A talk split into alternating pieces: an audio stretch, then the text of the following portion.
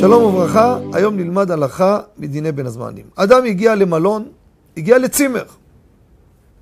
הוא מגיע, הוא בא לנשק את המזוזה, רואה אין מזוזה. אין מזוזה. כמובן מתקשר לבעל המקום, תגיד לי, מה קורה איתך? אומר, תשמע, זה צימר חדש, לא הספקנו.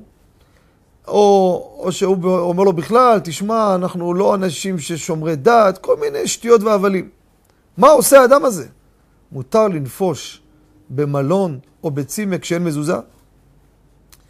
הלכה למעשה, גם מה שהשולחן ערוך כתב בארץ ישראל, במקרים מסוימים שאסור להיות במקום בלי מזוזה, זה רק אדם למשל שסוחר חדר, סוחר בית, אפילו יום אחד.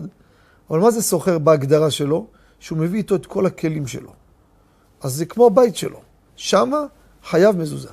אבל היום אדם שבא לצימר, או בא לבית מלון, הוא לא מביא איתו את הציוד שלו, הוא מביא איתו רק בגדים. מביא איתו בגדים, מביא איתו דברים הכרחיים. הוא לא בא עובר דירה, מביא את כל הריהוט שלו, את הכלים שלו. וממילא זה כמו פונדק. ושם, הלכה למעשה, עד 30 יום בארץ ישראל פטור ממזוזה. זאת אומרת, אם אין שם מזוזה, אין מה לחשוש. ימצא בצימר, אפילו בצימר שיש מזוזה בכניסה, אבל בחדרים אין. אותו דבר. במלון הוא בודק, יש כאלו בדקו במלונות, הוציאו את הבית מזוזה, רואים שם כלום. סתם שמו את זה, צוחקים על אנשים.